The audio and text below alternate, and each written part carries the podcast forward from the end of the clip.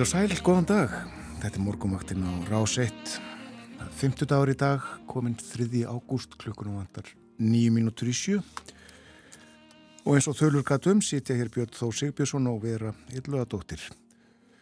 Morgunmaktinn til nýju í dag. Við hugum að veðrinu. Þokkalegur hiti víða um land núna í morgunsárið og uh, sumstaðar logg loftið annar staðar svona skjaldbökur hraða getur við sagt. Tveir metrar á sekundu til dæmis í Reykjavík klukkan 6 norðvestan. Skíjað 11 steg að hitti 8 gráður á Kvanneri 2 metrar þar. 10 steg að hitti í Stikisólmi 1 metri allskíjað 9 gráður á Patricksfyrði og 8 í Bólungavík Lötur hægur vindur, logn á Holmavík, 7 gráður. 7 gráður á logn á Blönduósi. 60 hitti við Söðunarsvita, 4 metrar þar. 8 gráður á Akureyri, allskíjað, 3 metrar. 60 hitti á Húsavík, hægur vindur. 5 stíg á Rövarhöfn, 6 metrar þar vestanátt. 8 stíg hitti bæði á Skeltingstöðum og á Eilstöðum. 1 og 2 metrar skíjað á eilstuðum 9 gráður og 2 metrar bæði á höfni Hortnafyrði og á Kvískerjum. 11 stig og logg á Kirkjubæðaklaustri 10 stig að hitti á Stórhauða 7 metrar á sekundu þar norðvestanátt. Bara 4 stig að hitti í Árnesi þar hefur verið bísna hlít síðustu nætur og morgna en já, 4 gráður núna og fjórar, fimm, sex gráður á hálendinu eitthvað sjö, svoleiðis sjöstigrunar í veiðvatnarhraunni. Svona viðræði klukkan sex. Í dag er spáð hægri vestlæri eða breytilegri átt skíjað og dálitlar skúrir í flestum landslutum en léttir til norðan og austanland sem um kvöldið. Hiti á bylunu 9 til 17 stig hlýjast suðvestan til. Á morgun Föstudag, suðlag eða breytileg átt 3-8 metrar á sekundu og víða skíjað en sumstart áli til væta engum sunnan og vestan til, hiti 10-15 stygg.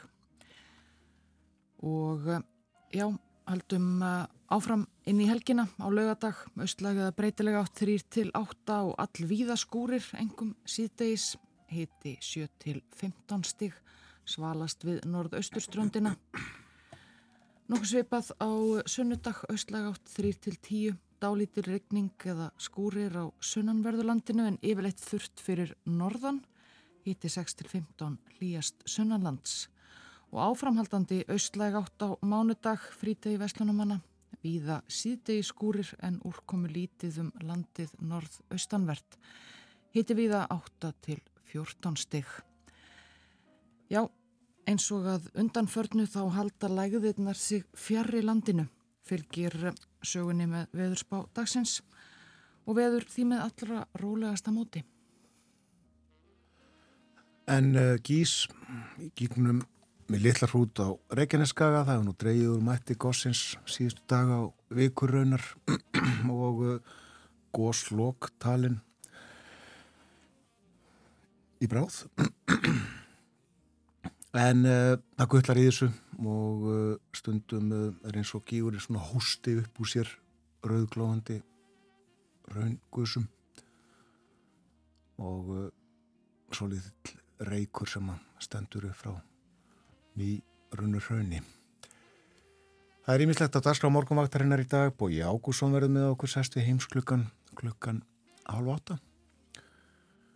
Við fjöllum líka setna í þættinum um uh, ástandmála í Afríkuríkinu Níker og uh, svo ætlum við að tala svolítið um mat en við förum betur ítarlegar yfir dagsgráð þáttarins eftir fréttinnar klukkan 7 klukkan vandan nú 5 minútur í. Eitthvað svoleiðis. Við setjum lag á fónin fyrsta lag þáttarins þennan morgunin og uh, það syngur Tony Bennett I left my heart in Chicago.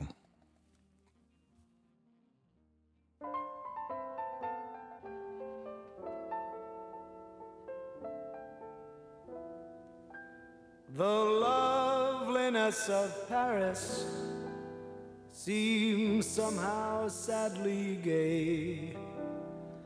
The glory that was Rome is of another day. I've been terribly alone and forgotten in Manhattan. I'm going home to my city by the bay. I left my heart in San Francisco.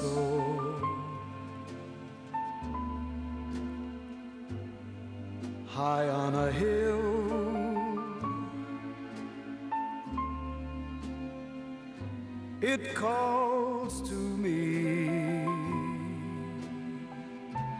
to be where little cable cars climb halfway to the stars.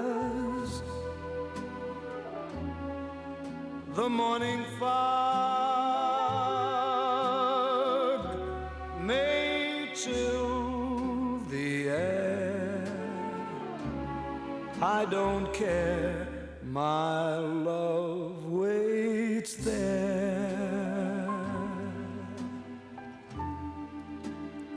San Francisco.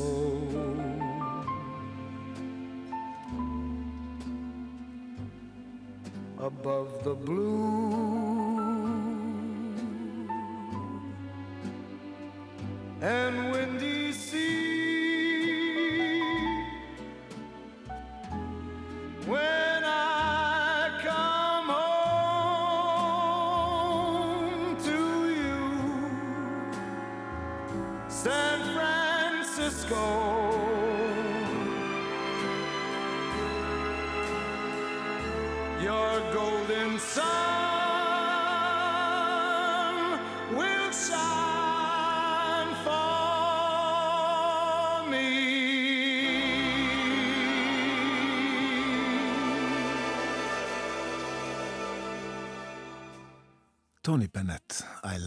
left my heart in San Francisco, ástar áður til San Francisco borgar. Tony Bennett fættist á þessum degi 3. ágúst 1926 fyrir 97 árum. Hann var geysi vinsall og virtur, hlaut fjölda verðlauna um æfina meðal annars 20 grammi verðlaun. Byrjaði ungur að syngja og skemta og söng síðast ofinberlega 2021. Tony Bennett lést fyrir tíu dögum.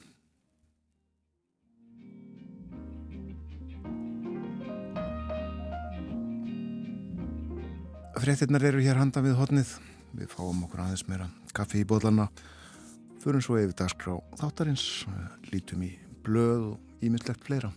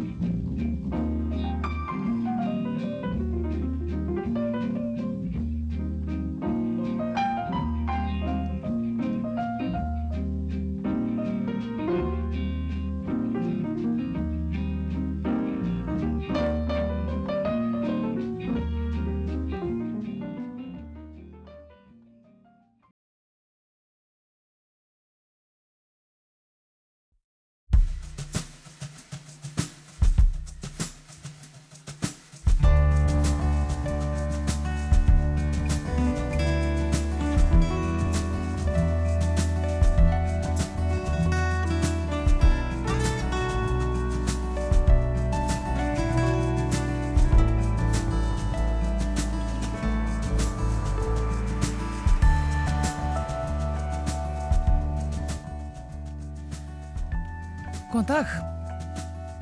Morgumvaktin helsar. Það kom inn 5. dagur 3. ágúst. Um svona menn morgumvaktarinnar í dag eru Björn Þór Sigbjörnsson og Vera Íljóðdóttir. Og Bói Ágússon verður með okkur í dag. Hann heldur áfram að segja frá áhugaverðum hlaðvörpum fyrir fréttathista. Hann fjallar um stöðuna í stjórnmálunum á Grenlandi eftir formannskjör í síumút um síðustu helgi. Og svo fer hann yfir ákerurnar á hendur Trump fyrirverandi bandaríkjafósetta. Hann er þó vígreifur sem aldrei fyrr. Heimsklökin á dagskrá morgunvaktarinnar upp úr hálf átta. Afrikulandið Níker hefur verið mikið í fréttum að undanförnu. Þar var fram með Valdarán í síðustu viku. Herfóringjar eru nú þar við völd og erlendir ríkisborgarar flýja landið. Það er ekki oft sem að eigðimerkurlandið Níker er í heims fréttunum en það telst samkvæmt alþjóðlegu mælikvörðum eitt það van þróaðasta í heimi. Geir Konrad Teodorsson bjóðum tíma í Níker, nú býr hann að vísu í Eþjópíu en við sláum á þráðin til hans þar og ræðum ástandið í Níker og um land og þjóð. Og í síðasta hluta þáttarins verður rætt um mat. Dóra Svavastóttir matreðslumestari kemur til okkar. Hún var hér um daginn og bendi á ýmislegt gott og sniðut að hafa með sér í útilegu eða lautarferð. Í dag þá drefur hún eitt og annað upp úr körfuninsinni sem að hendar vel um helgina. Vestlunumanna helgin er framöndan. Laung helgi, líf og fjör. Og hvernig ætli viðri á okkur um Vestlunumanna helgina? Já, og kannski í dag byrja á því vera. Byrjum á deginum í dag og höldum svo inn í framtíðina. Það er spáð hægri, vestlæri eða breytilegri átt í dag.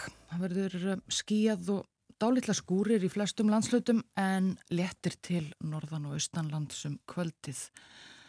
Hittinn 9 til 17 stig hlýjast suðvestan til. Á morgun, förstu dag, suðlegaða breytilega átt 3 til 8 metrar á sekundu og viða skíjað en sumstaðar dálitil væta hengum sunnan og vestan til. Hitti 10 til 15 stig yfirleitt. Á lögadag austlæg eða breytilega átt 3 til 8 metrar á sekundu og all víðaskúrir, engum síðdegis hiti 7 til 15 stig og svalast við norðaustuströndina. Og sunnudag, þetta er um, svipað, austlæg átt 3 til 10 metrar á sekundu, dáli til rigning eða skúrir á sunnanverðulandinu en yfirleitt þurft fyrir norðan, hiti 6 til 15 stig, hlýjast sunnalands og áframhaldandi austlæg átt á mánudag, frítag Veslunamanna, víða síðdegi skúrir þann dag en úrkomi lítið um landið norðaustanvert, hiti víða 8 til 14 stig. Já, það verður veður áfram með allra rólegasta móti eins og veðurfræðingur orðar það í stuttum hugleðingum sínum þannan morgunin. Læðirnar halda sig fjarrri landinu eins og undanförnu. Annars skrifar veðurfræðingurinn ekki mikið uh, í dag en það kannski lítið frá að segja. Við rættum heilmikið um veður hér í þettinum í gær, fórum yfir veðrið eins og það var í júlimánuði og uh, stóra spurningin var hvort að uh, Solskins stundametið í Reykjavík hefði fallið, það var útlitt fyrir það um síðustu helgi en gekk ekki eftir og komin er á við veðustóna samantækt uh, ítaleg og formleg ekki satt fyrir veðrið eins og var í júli. Jú, mikil ásköp tíðafar í júli 2023 var byrt á veð, veðustofunar í gær, laung yfirferð farið um, hitastig á landinu öllu Úrkoma, sólskinn, stunda, fjöldi, vindur og loftrýstingur. Þetta má finna á veð, veðstofunar en uh, í upphafi er stutt yfirlitt. Júli var mjög þurr á sunnan og vestanverðu landinu. Á allmörgum stöðfum í þeim landslutum mæltist heldar úrkoma innan við 10 mm og er víða svo minsta sem vitaður um í júli. Sólskinnstundir í Reykjavík voru óvenju margar og hafa aðeins einu sinni mælst fleiri. Það var árið 1939 eins og eh, viðmælandu okkar grindi frá í gær. Norðan og norðaustanáttir voru ríkjandi allan mánuðin. Það var kallt á norðan og austanverðu landinu en að tiltölu hlýra á Suðvesturlandi. Ítalega fjallaðan þetta á eh, vef veðustofunar í dag. Og eins og við rættum í gær við eh, Kristínu Björgu, þá er ekki lóku fyrir það skotið að gósið hafi haft þau áhrif að solskinn stundametið fjell ekki þessi gósmóða hafi hafi ráðið þar tölverðum aðeins meira um veðrið en uh, nú likur fyrir fundagerð veðurklúps Dalbæjar á Dalvík fyrir ágúst 15 mætt á fundin og réður áðum sínum og fundagerðin er svona. Eftir að við höfum huggað hvort annað í svo litla stund vegna þess hver spá klúpsins brást raparlega fyrir júlímánuð, þá var það samþýgt að líklegasta ástæðan væri að fundurinn var haldinn viku fyrir venjulegan fastan fundatíma sem er fyrsta þriðudag hvers mánadar. Og það hafið því vantarlega sett skinnjun allra rækilega úr skorðum.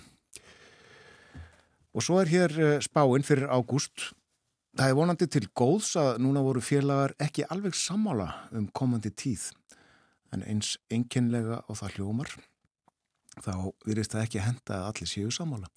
En eftir samantækt úr draumum, rúnum, tunglkomum, hundadagatengingu og tilfinningum þá er niðurstaðan svo að ágúst verður að mestu svipaður og júli hérna á Stór Dalvíkur svæðinu. Nefnilega ágæti sveður en áfram að mestu að norðan með engum afgerandi líundum skíuðu að hluta en góðu skíni inn á milli. Skíslan frá uh, Dalbæ fyrir uh, ágúst. Á fórsíðu morgunblaðsins er uh, mynd sem að Árni Sæberg tók af vöskum hópi gungumanna sem gekk á land í Grunnavík til að eða deginum í Jökulfjörðum.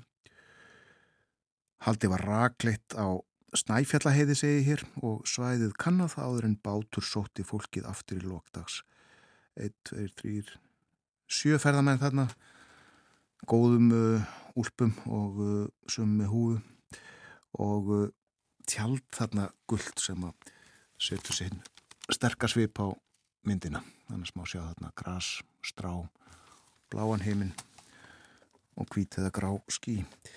Nú enn er fjallaðum biskupsmál á forsýðu morgumblaðsins. Fyrirsögn er, það er kristaltært og uh, hvað allir sé svona kristaltært? Jú, það er rætt hérna við Steindór Haraldsson. Hann er uh, annar tvekja varafósetta forsættisnefndar kirkjuþings og það er rætt hér við hann um stuðuna. Og uh, hann segir um ráðninga samning við biskup að það mál sé spauðilegt. Samningurinn er ekki einu sinni löglega gerður, segir hann. Nefnir ekki séu vottar að samningum. Og uh, úrskurðar nefndir að skoða hæfi biskups í máli sem að varðar prest sem að viki var frá störfum. En Steindor segir að hæfi biskups sé að sínum að til óskorað til 30. júni á síðast ári. Og svo er þetta með þetta kristaltæra. Hann segir Eftir það er vafið um hæfið og hvaðst helja umbóð biskups nú útrunnið. Það er kristaltart. Það er rætt líka í morgunblæðinu í dag við eh, Rönolf Þórhalsson, hann er aðstóðar yfir lörglu þjótt, hann segir lörgluna skorta heimildir til að geta rannsakað öfgahópa og skipulagningu hriðverka. Hriðverk eru gerðan rætt í lokuðum spjallhópum sem laurugla hefur korki heimildir nýja getu til að rannsaka nánar. Og hann segir unga karlmenn sem telja sig jæðarsetta vera sérstakann áhættu hóp sem laðast að auðgakendum skoðunum og geti leiðist út í stórfælt afbrott og hriðverk. Rætt nokkuð ítalega við Runolf Þóraldsson í morgumblæðinu í dag. Það er líf og fjör í Vestmanægjum, Vestlunamanna helginu auðvitað framöndan og uh, í gær þurftu eigamenn inn í dal með tjald súlurnar. Þeim var stungið niður í jörðina í gær og uh, má sjá myndir af því á uh, vef eigafrétta. Myndaleg tjaldborg að verða þarna til. Og í dag verða svo tjöldin hengda á súlurnar og uh, bústlóðaflutningar hefjast. Þá að öðru, hins egin dagar hefjast í næstu viku og standa 8. til 13. ágúst og uh, hins egin daga tímaritið komið út nöyst þygt 100 og eitthvað blaðsýður og uh, hjá okkur er uh, rittstjóri blaðsins Bjardís Tómasdóttir. Velkomin til okkar á morgunvaktinu Já, takk kærlega fyrir að bjóða mér. Við ætlum að fletta blaðinu með þér hér í blaðaspjallinu. Eins og ég segi e, þygt blað, það hefur ekki alltaf verið svona þygt Nei, alls ekki, þetta er þykasta blað sem við höfum gefið út og efnist mesta að öllu leiti í upphafi sko reyti hefur náttúrulega verið að koma út í yfir 20 ár og ég upphafi hugsa sem dasgrafrætt á samt kannski einhverju greinum eða viðtölum en aðalega til þess að kynna dasgrá þá lít þekktrar hátér. Já, dasgráin er hérna en þá? Dasgráin er hérna en þá í, í einhverju mynd og umfjöllun um e, staka dasgrá liði en En tímariti hefur þróast, það hefur verið stefna fyrir stjórna og, og hérna rittstjóra að gera þetta meira að vettvangi hins eginn fólks til þess að tala um þau efni sem að, sem að skipta á samfélagi máli hverju sinni. Já, og það er bæði gaman og alvara í blæðinu, þú ætti að segja. Já, svo sannlega, bara svona svipaður að vera hins eginn, það er bæði gaman og alvara. En uh, blæði hefur vaksið svona í uh, takt við hátíðana sjálfa má segja. Þetta var auðvitað fyrst ganga og og kannski smá samkoma nýri bæ en uh, nú er þetta fymtaða hátíð. Það er rétt. Um, sko gangan hefur alltaf verið hérna, ótrúlega metnafulli alveg frá fyrstu gungu. Um, hafa Íslandingan tekið mjög vel í það og, og, og margt fólk tekið það átt en vissulega dagskráin, dagskráin vaksið mjög mikið.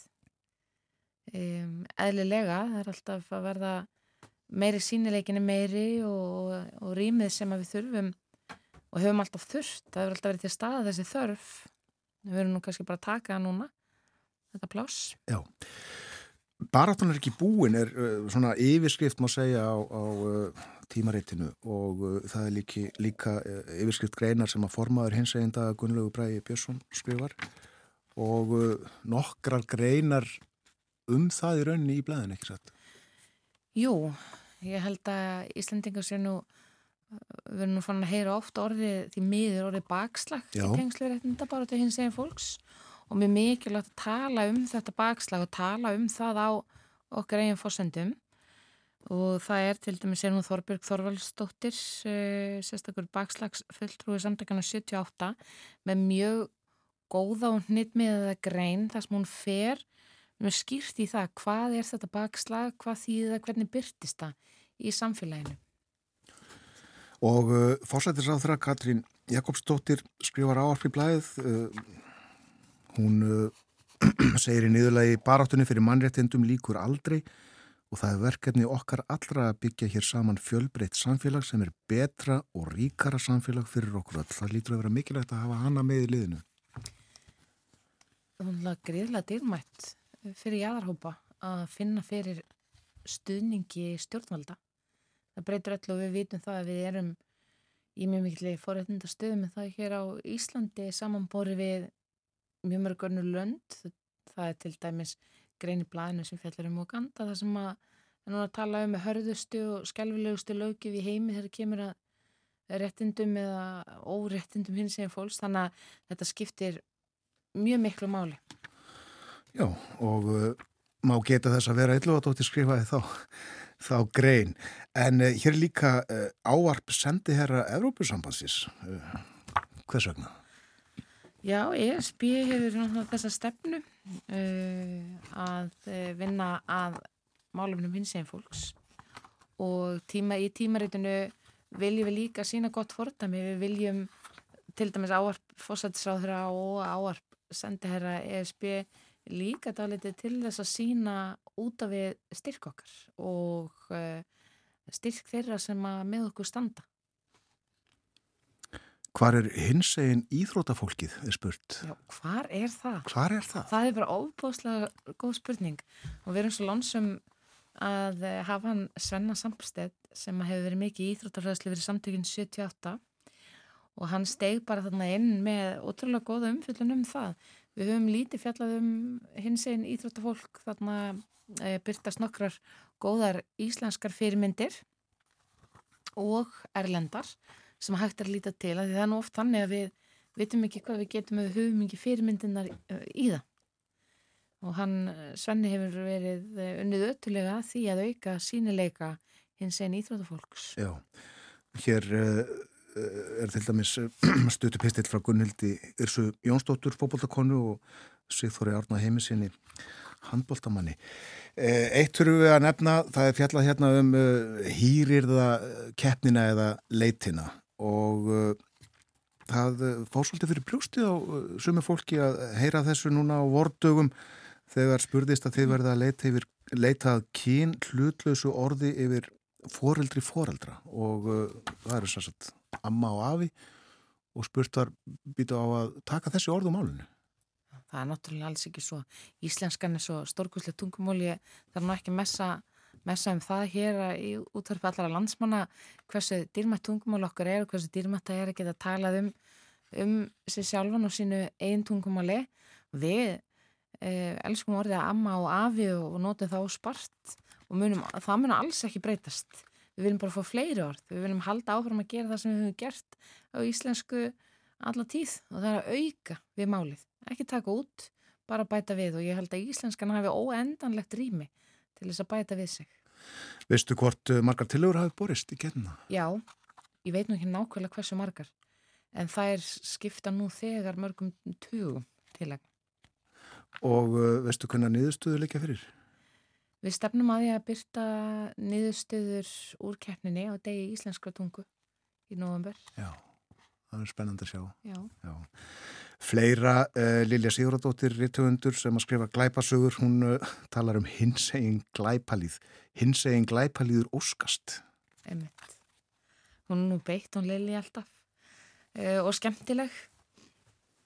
Þetta er náttúrulega kannski, fyrir mér er allavega pínlítið grín í þessum titli því að stundum hefur hinsegin fólk fengið þennan stimpul að vera að vera dálítið óþjóða líður En þetta er skemmtileg grein sem að fjallar um hins einleika í, í glæparsögum og hún verður líka með mjög spennandi viðburð, uh, ofvenni viðburð á hins eindögum þar sem hún fjallar um þetta sama efni. Já. Já, hundrað eitthvað blaðsýður, uh, tímaritt hins eindaga, stútvöldað efni en uh, það er stútvöld líka af auglýsingum. Uh, þið finnið uh, samhug hjá eigundum fyrirtækja.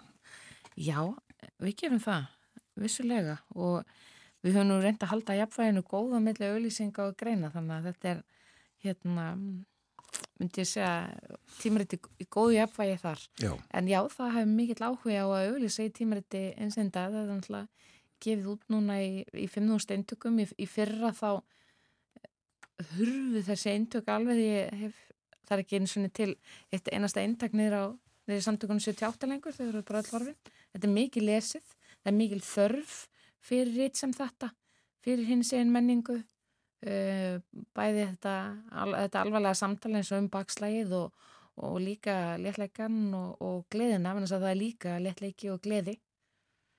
Hvar uh, getur fólk nælt sér í eintak?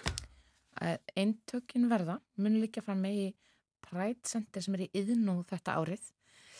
Einni verður það í dreifingu, fyrir dreifingu núna um helgina á stór höfuborgarsvæðinu og eh, vonandi víðar um landlíka á stöðum eins og kaffehúsum, bókasöfnum, sundlegum, við erum lesa söfni í sundlegum.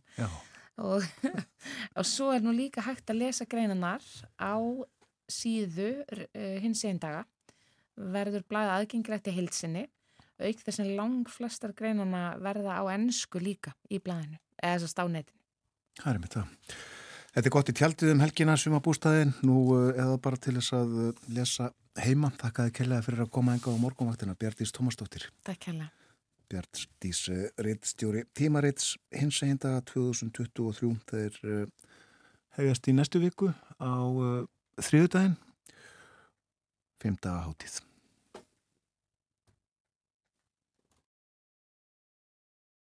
There's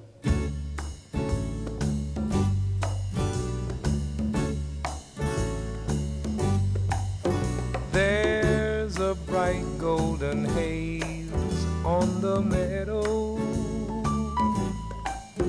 There's a bright golden haze on the meadow. And the corn is as high as an elephant's eye. And it looks like it's climbing clear up to sky.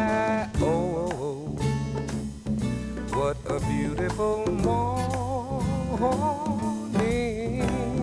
Oh, oh, oh, what a beautiful day.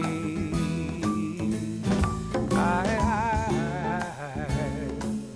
got a beautiful feeling that everything is going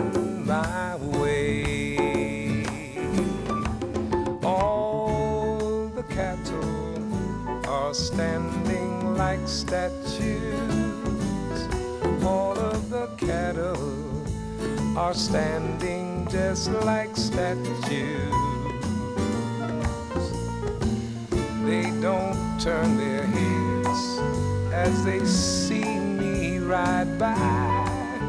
But a little brown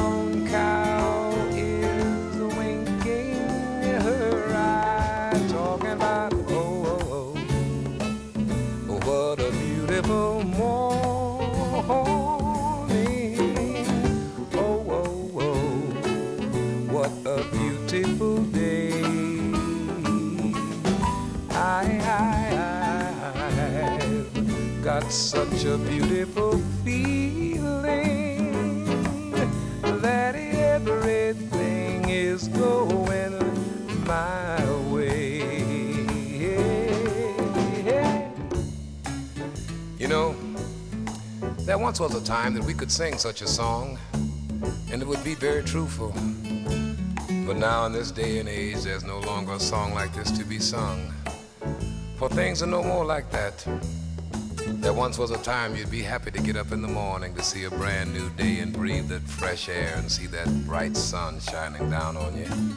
Get you a glass of fresh, clear water.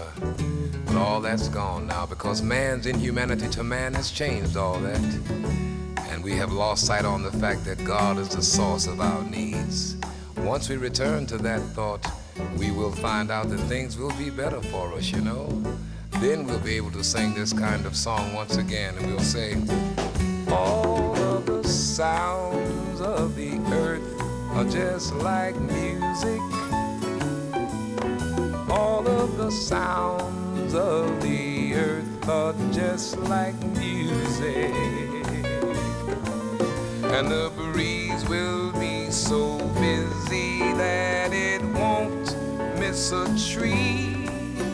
And that old weeping willow will be laughing at me, talking about, oh, oh, oh, oh, what a beautiful morning. Oh, oh, oh, what a beautiful day. I, I've got such a beautiful Talking about everything is going my way. Oh, oh, oh. Ah. Oh, oh, oh.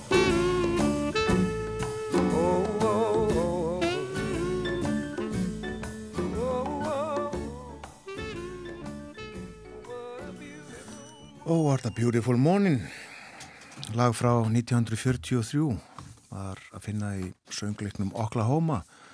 Þeir söndu þetta Richard Rodgers og Oscar Hammerstein.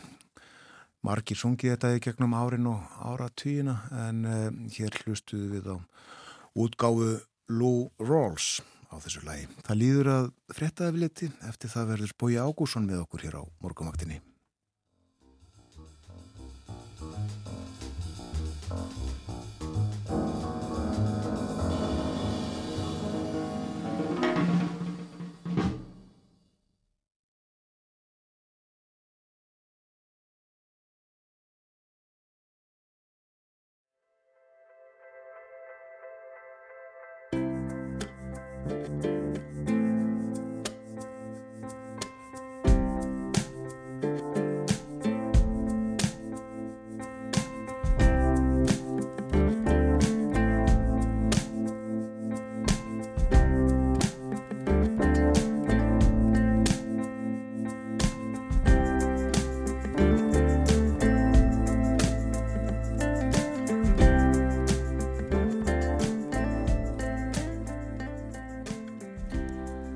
Sæl aftur. Þetta er morgunvaktinn á rás 1 á 50 morgni. Klukkan er eh, orðin rúmlega hálf átta. Það er 3. ágúst í dag. Við ætlum að fjalla um nýger hér að loknum morgunfréttunum klukkan 8. Ástandið þar eftir valdarán sem að framið var á dögunum. Þetta Afríku land sem talið er eitt að vanþróaðasta í heimi. Geir Konrád Teodorsson bjó um tíma í nýger og ætlar að segja okkur frá landi og þjóð hér á eftir en eh, við ætlum að byrja á eh, öðrum erlendum málefnum. Það er fymtu dagur og það þýðir að Bói Ágússon er komin til okkar og sestur við heimsklukkan. Kontur sæl Bói. Góðan daginn vera og björn. Góðan dag. Við ætlum að tala um uh, hlaðvörp, halda áfram mm -hmm. umfjöldunum áhugaverð hlaðvörp fyrir fréttathista. Uh, fyrir líka til Grænlands, landsfundur, uh, síumút var það síðustu velki. Jú, jú. Svo þurfum við að tala um Donald Trump. Jú, jú. Það verður vist ekki komist hjá því. Nei, en uh, byrjum á fótbolta. Já, það er svona að vera fótbolta á hamaður, þá fylgist maður með knaspinu í mörgum löndum og uh, svo þegar að, að því að ég er nú sjálfur áhuga maður um Norðurland, þegar að Norræn ríki er að keppa innbyrðis, það er að lið frá Norrænu ríkjanum er að keppa innbyrðis eða svo þið eru að gera núna í undan keppni meistaratildar Evrópu.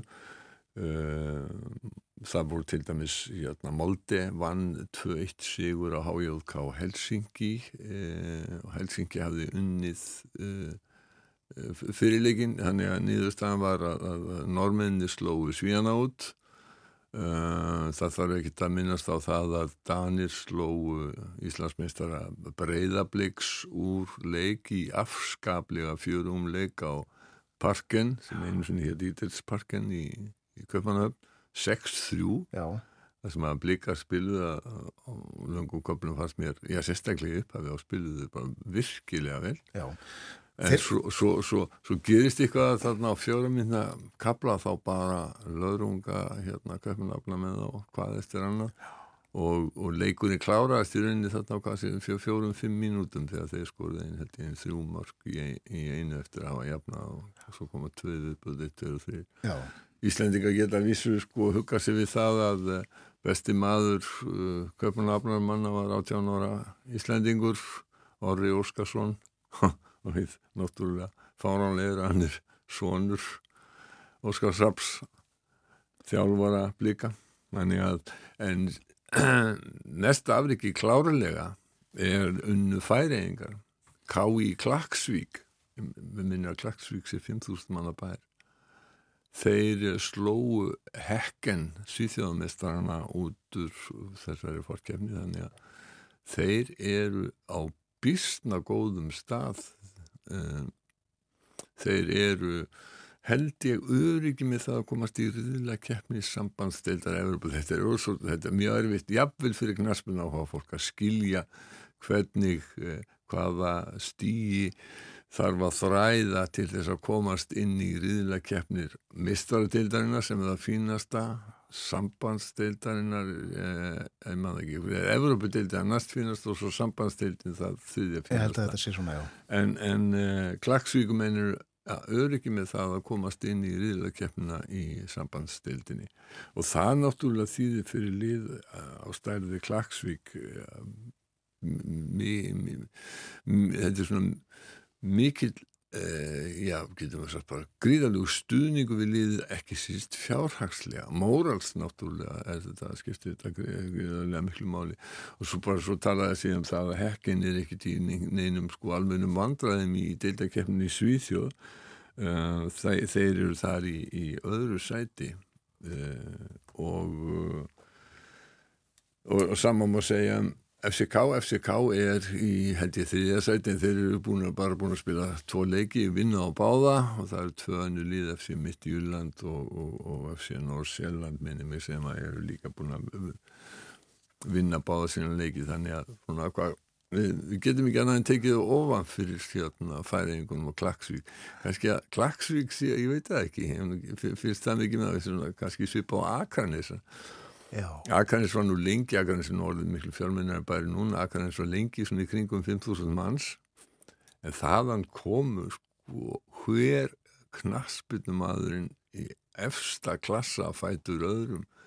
Bara Ríkard Jónsson svona þessi sá, sá elsti væntanlega Pétur Pétursson og þeir eru sko og svo, svo, og svo er þetta líka þetta er líka genetist ég að mjög margt að þessum góðu knaspunumannum og Akarnesi voru skildir. Einmitt, margar kynnslóðir þarna. Margar kynnslóðir þarna. Rábara fókbaltamanna uh, Ekki vantar hlaðvöppin um fókbalta þau það, eru nei, mýmörg. Nei, það, það ætlum við ekki að ræða um en við ætlum hérna sko en uh, það er alveg rétt. Það er, það, það er mikið af, fókbalta hlaðvöppum og uh, óþarf við að kynna þau hér. Ég ætla að svona aðeins að nefna því við erum búin að tvö síðustinu skipti búin að tala um hlaðvörp sem að fjalla um alltjóðleg málefni, fréttir og annað slíkt og fyrir hóa fólk þá getur það farið inn á vefrúf og uh, flett upp á, á heimsklugafæslum þar uh, og þar eru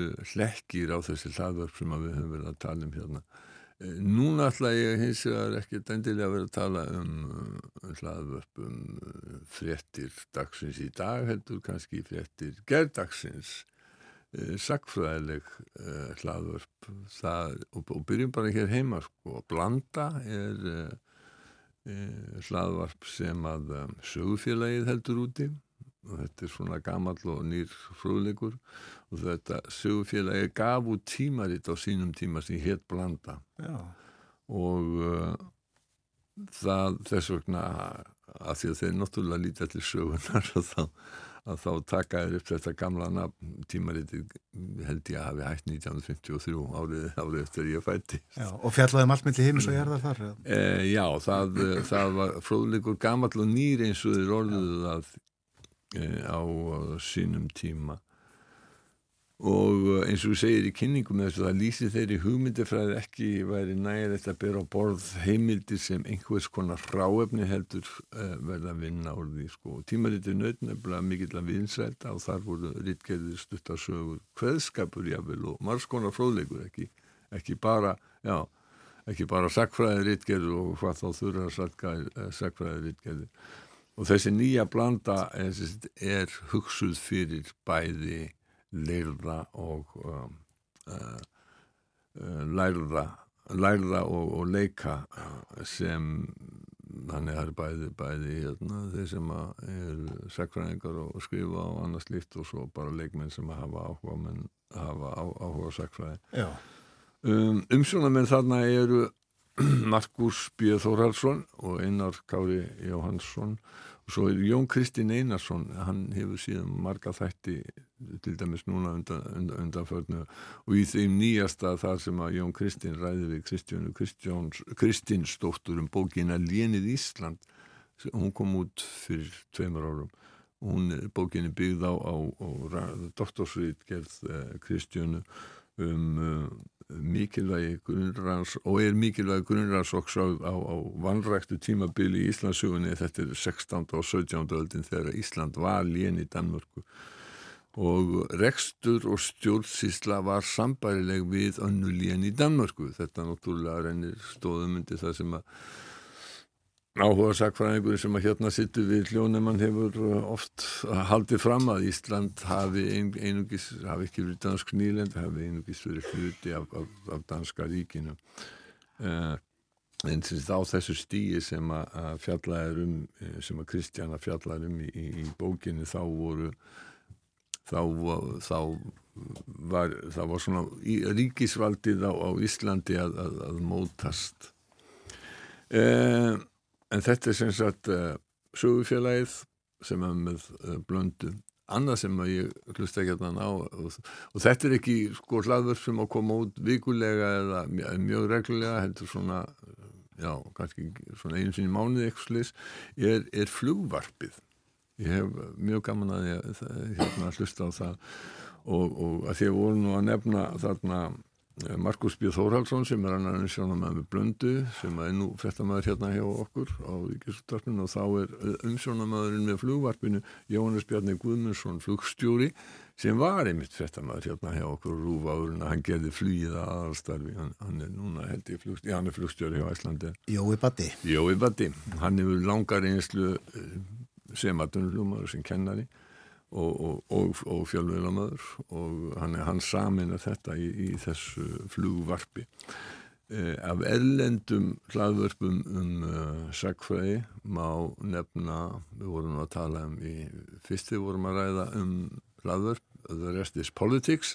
Sístur uh, getum við sagt hlaðvarp þess er The Rest is History.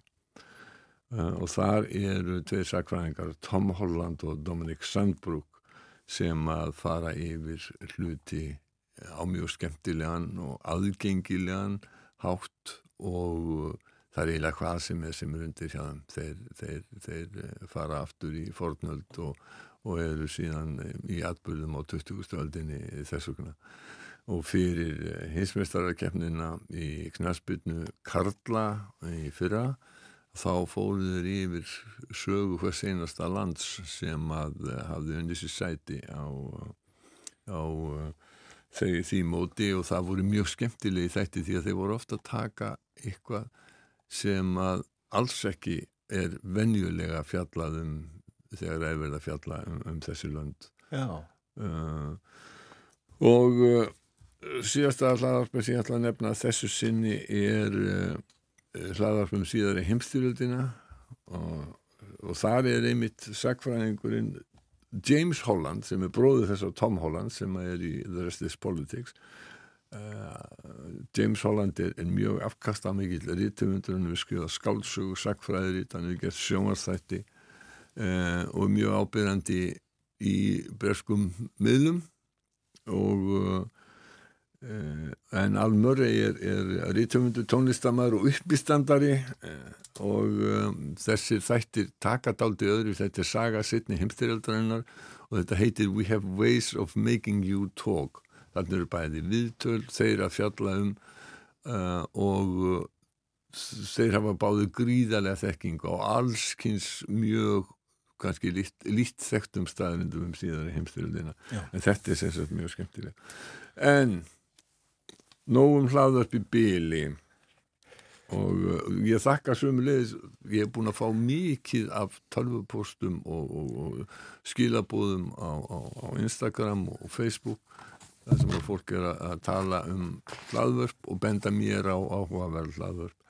Ég þakka, þakka kærlega fyrir það allt saman En uh, höldum við vestur, uh, fyrir til Grænars, uh, það var formannskjör í síumut, eða ekki? Jú, það var formannskjör í síðustu helgi, þar voru þrýr í kjöri, Erik Jensen sem var formaður og, og jæna, Kim Kielsen sem var formaður á undan honum og uh, ekki Matilde Hög sem er þingmaður á, á danska þinginu og fekk gríðarlega góða personukostningu til e, í síðast þegar það var kostið til danska þingsins. Og um, þau þrjú hérna, buðið sér fram. Það var talið að þetta gæti verið svona til margsum það hvaða stefnu síum út, síum út er jafnamannaflokkurinn tekur þátt í ríkistjórn með flokki sem er lengra til vinstri sem er svona vinstri græn í Grænlandi EA, Inuit Atakat uh, Tigit um, kannski að uh, vera í auðvöldara með að byrja grænarsku nefnum fram eftir að hafa verið uh, á, á Grænlandi Þú spreyta þig? Nei, veistu, ég ætla bara, mér heitist þetta að vera mjög samfærandi mm -hmm. Ef maður talar þetta nóg rætt og þá, þá virka það samfærandi en sem sé að nýðustafan var svo að sko að, að, hérna, að formaðurinn var eh, endurkjörinn og hann fekk svona, eiginlega getur við sagt meira umbóð núna heldur en hann fekk vel yfir 50% aðkvaða, eh, ég man ekki nákvæmlega hvaða var á endanum. Þannig að, að það verði engar breytingar á grænlegsku stjórninni að því að gert er ráð fyrir en áherslu munur til dæmis uh, eh, Aki Matildi hún vil fara hraðar í uh, sjálfstæðismál heldur en, heldur en uh, þeir tveir hinnir Svo var frétt í gæri í grænleiska miðlunum Sörmitsjak um það að um, formaður efnahagsrás Danmörku efnahagsrásins Torben Andersen hann var að tjá sig um efnahagshorfur grænlendinga og sagði að það væri bara ökonomíin er í orden, sagðan Uh, allavega til skamstíma litið. Uh, og uh, það sé bara sólskinn framöndan í, í grænleinskum efnahag og helsta vandamáli þar eins og sumstaðar annars þar er skortur á vinnuafli. Það vantar vinnandi hendur til grænlands. Og hann segir sko sömulegis að grænlendingar hafi komið ótrúlega vel út efnahagslífið í gegnum tvö erfið ár og það sem að hérna, sem að það sem ímis áföll dundu yfir efnagslíf heimsins eins og uh, heimsfaraldur og uh, innrásinn í, í Úkrænu og meðfylgjandi uh, verbolga um allan heim. En það sé að grænlendingar hafi, hafi komið vel út, út úr þessu og geti lítið björnstum augum til, um, til framtíðarinnar. Það er gott að heyra. Ætli Donald Trump geti litið björnum auðun til framtíðarinnar? Það fyrir eftir hvernig á, á það er hort. Uh, einhver að segja sko að hann væri eins og markvöða þurs þegar að uh, saksóknari kemi og higgi einn hausin af honum og þá splittu tveir í staðinn og uh, það mátti sannsvega færa vegna þess að eftir að uh, hann er ákjærður fyrir að mjög alvarlega glæpi í augum ná, nánast allra, allra utan bandaríkjana þá ykst stuðningur við hann meðal republikana og uh, þetta virðist mjög uh, vel unnin ákæra og uh, þetta munun á þessu við rættum nú eins og ákæruna sem að og réttarhaldarna sem að býða hans í Flórida uh, fyrir uh, meðferð leyniskjala og dróðum í efa þá að, að hann er í sakveldur í því máli þó ekki væri út af öðru en að það er, dómst, að það er dómstól í Flórida það er dómari sem að Trump skeipaði sem að tekur það mál fyrir og um, það er kviðdómur þar sem allir verða að vera sammála um sekt og uh, Trump nýtur, mikil stuðnings í Florida þannig að margir settarskinnir hafa bent á þessar staðnindur og sagt að það sé litli já það sé minni möguleikar en meiri á að hann verði sakveldur fyrir rétti í Florida.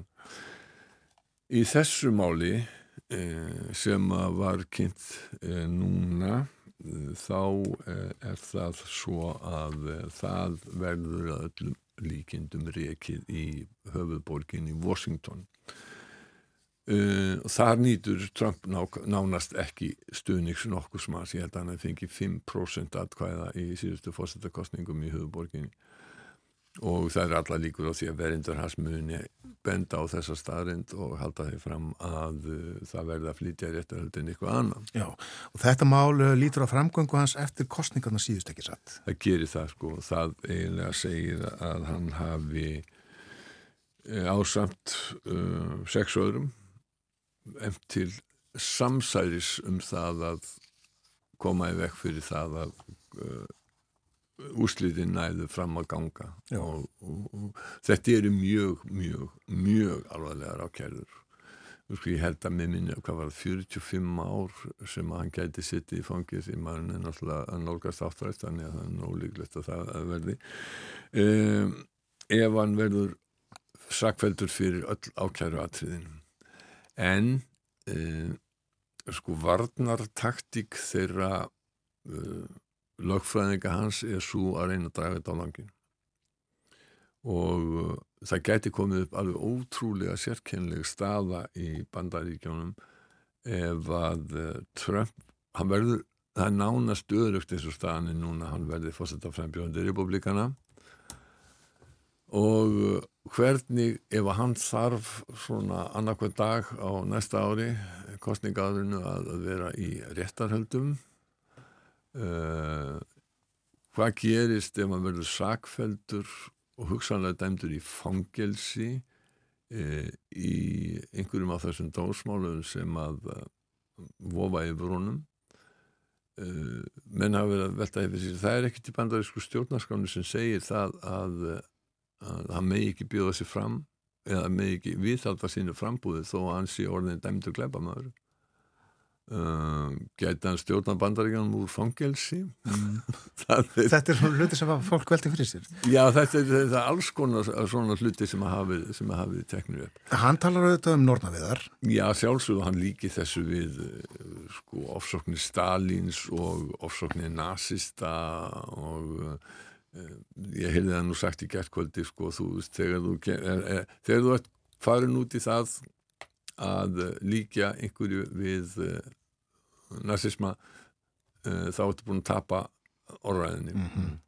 eh, hvað heitir þetta að vera? Reduksjó að titleram eitthvað slúðis e eitthvað slíkt að en uh, það skiptir engum mál í þessu sambandi. Ég held að Donald Trump hann getur ekki tapa rökkraðum eða orðræðu e, meðal sinna stuðningsmanna sem að það er alveg sama en það hann sæði sjálfur eins og hann gæti gengið nýður 50 hérna, tröði í New York skotið mann og það myndi ekki hafa neina áhrif á stöðningar og ég, ég held beinir þess að þetta er rétt hjá hann það vilist þér alveg sama hvaða líktir í ljós uh, að þá hérna þá bara eflist stuðningu með republikana við hann. Já, og þarna er óneitanlega saman í einu grötu lagfræði og pólitík.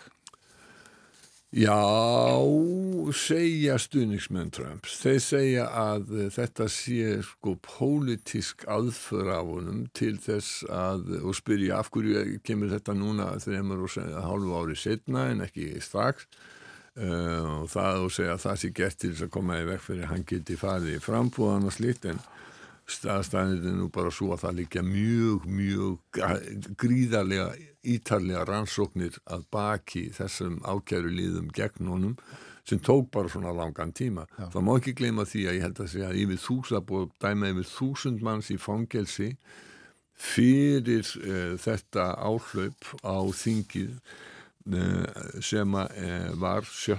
Júni, 7. januar 2021 Trump er ekki ákjæru fyrir að hafa espa fólk til þess, hann er ekki ákjæru fyrir að hafa staðið að því hann er ákjæru fyrir að hafa logið uh, en svo segir sko í ákjærunum líka hann má ljúa en hann má ekki ljúa gegn betri vitund og Já. það er búið að hérna sko vegna þess að þú mátt ljúa það fellur undir hérna málfrelsi í fyrsta viðöka bandarísku stjórnarskráninar en uh, þú mátt ekki ljúa þegar búið er að segja er að þetta er uh, rámt þetta er mjög flóki lögfræðilegt málefni sko. Já.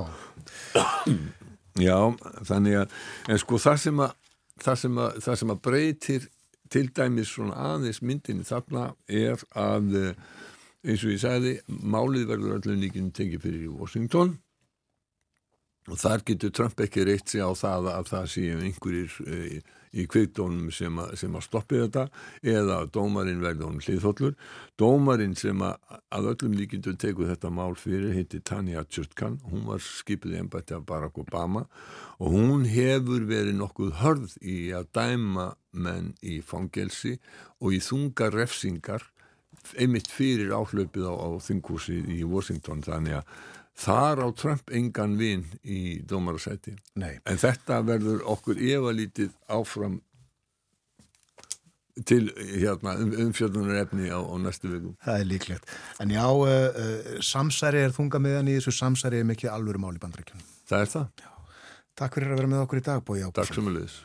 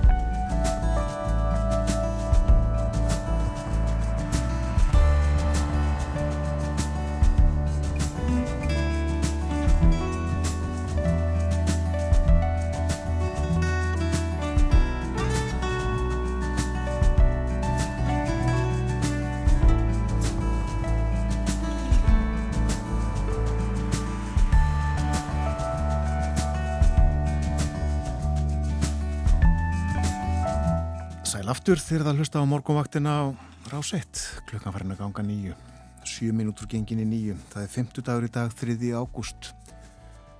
Bói Ágússon var með okkur hér áðan, töluðu meðal annars um ákjærðunar á hendur Trump fyrirverandi bandarækjafósita.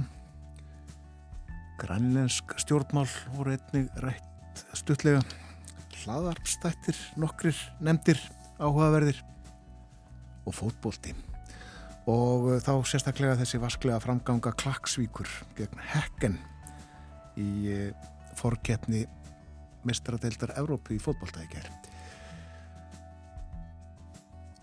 og ég minni á að við tölum um mat hér uh, millir hálf nýju og nýju það er von á Dóru Svavastóttur matreyslu meistra til okkar, hún var hjá okkur um daginn og gaf þá góð, skemmtileg ráð um nesti til dæmis í tjaldútíðlegu eða lautarferð við sjáum hvað hann drefur upp úr körfu sinni hér á eftir. Við erum uh, núna reynaðan á sambandi við uh, mann sem að statur er í uh, Eþjópíu. Við ætlum að fjalla um uh, ástandmála í Níker það hann hafa borist að skerfilega fréttir síðustu daga. Við sjáum hvort að okkur takist ekki að tengja okkur við okkar mann þar ytra.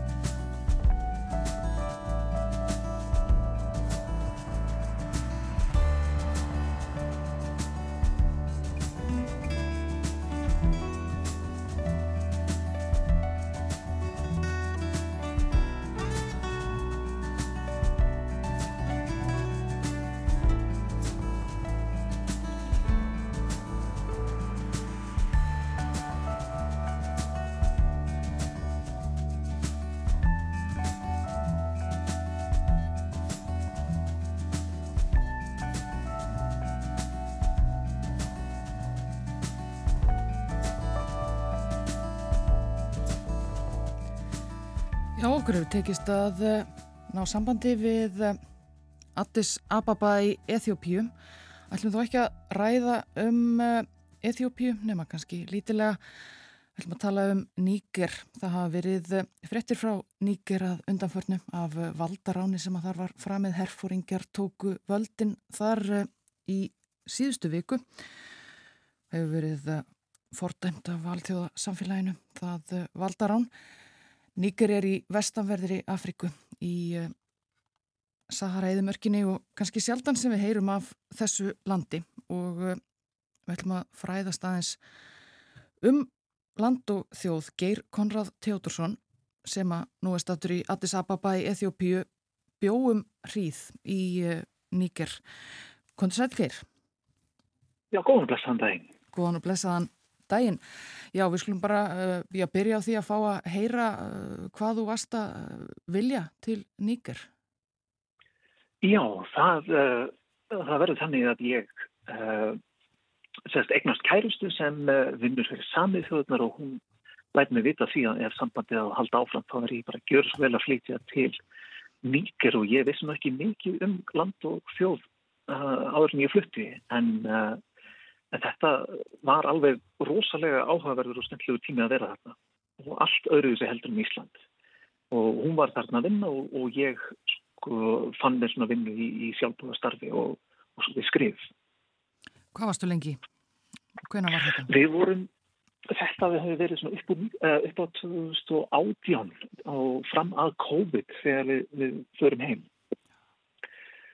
Og uh, við erum sérst allan tíman í sérst, borgin í Njami uh, ég hafi sko verið rosalega kátur um að fara og skoða allt þarna í kring en þegar ég mæti þarna út að þá þá sérst, fá að vita því að það er ekki öryggi að fara umverlega neitt út fyrir borgina. Þannig að uh, ég fekk að heyra að sko Boko Haram var sko örmið við borgina og æsir hinnum einn þannig að bara gjöru svo vel að halstuður innan höfuborgarsvæðins og uh, við vorum þar þarna eða mest allan tíman á, á meðan hún uh, í sinni vinnu fekk að fara í vopnari fylg og meira að skoða þá var ég hérna bara mest í borginu Þannig að það hefur verið ótryggt ástandi í, í landinu uh, þá?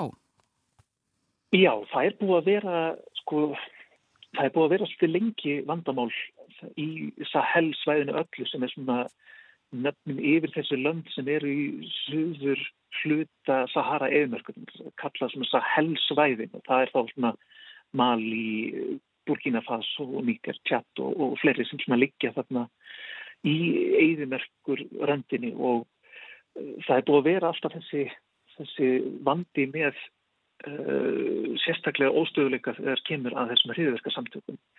Og þá Boko Haram sem er búin að sérst, koma þarna frá Níkeri og upp inn í Níker og svo óstöðuleikin í kringum ISIS eða ISIL sem er búin að vera í Mali og Burkina Faso og, og af því að þetta er svo rísastór lönd og, og landamærin er ekkert sérlega greinilega þá er auðvelt fyrir þess að hópa að fara til og frá og valda skada þó að fólkið í nýka sem að tala við, þau sögust ekki, það er, ekki við sem eru til vanda heldur, þetta er bara einhverjir aðrir aðlega sem er alltaf að koma inn til okkar og, og valda þessum vanda. Þannig að þetta var svona, þess búið vera flókið ástand lengi. En þarna var uh, þó líðræði, þanga til, til núna vantilega? Já, þeir voru búin að vera mjög stoltir af því að sko Mohamedu fórsetin á undan er fyrsti fórsetin í sögu landsins sem viljugur bara stýgur til hliðar eftir að hafa klárað sín tvö kjörstjumabil og uh, það voru þessar kostningar og, og uh, fórsetin Muhammad tekur við að Muhammadu og fólk var svona þokkalega bjart sínt af því að hann, hann vann þarna þessar kostningar og kostningarna fóru fram þokkalega vel. En Uh, sest, það er búið að vera þessi vandi í löndunum í kring að það er, hafa verið þessi þessar svona byltingar hjá, hjá hernum í, í einu þessum löndum í kring. Og það hefur, hefur verið í nýgar áður. Ég held að það hefur verið sko í, í sögu nýgars hafi verið að minnst hústi fimm svona byltingar frá hernum. En það, þetta var svona stefna í rétta átt. Uh, og, og stutt af alþjóðarsamfélaginu uh, þessi ríkistöp í nýgar Já, þannig að þetta er áfall þessir uh, atbyrðir síðustu daga? Að algjörlega. Þetta er, sko, sem ég segja að þetta kom ekkert sérstaklega á óvast vegna þess að það er búið að vera þessi óstöðuleiki í kring og það hafi bara verið tímaspörsmál og kannski hafi verið bara svona, uh, bara ákveðin svona barnaleg svona bjart sinni í því að, að þetta myndi einhvern veginn vera öðruvísi heldur en í Londonum í kring þegar þessi áhrif eru svona sterk og sérstaklega vegna þess að Nýgri er vantróðasta land bara þarna í Afriku og það klínir við gríðarlega vanda og, og fólkið í landinu náttúrulega vil sjá uh, einhvers konar bót á sínu, sínu stöðu og ef það gerist ekki líðræðislega þá er þessi fristinga að bara stefja hvernig sem getur lofað einhverju betri. Einmitt, uh, eitt vantróðasta land bara heims sínist mér á öllum, öllum mæli hverjum þarna mikil fátækt. Já, uh, rosalega fátækt og, uh, og vandin er að þessi lönd sem voru áður fyrir nýlendur, uh, nýlendur frakka í Afriku sko andúin við frakka í dag að mörguleiti kemur af því að frakkarnir voru frekar anstíkilegir í sínum nýlendu málum þarna. Og eins og ég tók eftir þegar ég var í höfubólkinni líka þá var það svo fyrirlegt að það þá eru engin sérstaklega skólar eða sjúkrahús eða neitt sem stóðu eftir frá tímabili frakka þegar þeir voru þarna við völd. Ef þú gæst eins og verið keift rauðvin og osta og þá voru ákveðið spakari með svona franskum bagett sem gæst fengið. Þannig að það virðist vera að frakkatin hafi verið með svona spín uh, markmið þarna að bara koma sjálfum sér vel fyrir en ekki reynilega skilja neitt eftir fyrir land og þjóðu og enn í dag eru samningarnir sem frakkatin fengu þegar uh, ríkið sko hægt að vera nýlenda þá frakkarnir heldu enn gríðalegum áhrifum sérstaklega þegar kemur af uh, úranjum námum og, og, og svona þannig hráöfnum sem þeir flytja frá nýger til þess að, að nota í sinni orkuframslu í Fraklandi og maður ekki segja að sá samningur sem var gerður við fólki víníkar hafi ekki verið góður og það verið pínu ennþá svona þeir eru ennþá eins og nýlenda þó að þeir hafi fengið sjálfstæði. Það er þessi anduð sem, sem enn svona kræmar í dag. Já, Já þannig er úran. Já, það er sko, það er, þetta er rísastórt land og maður bara fattar það ekki fyrir maður sko dregur það, það er svona alls konar forlit á netinu þess að maður getur dreigið lönd til og frá og yfir í Evrópu.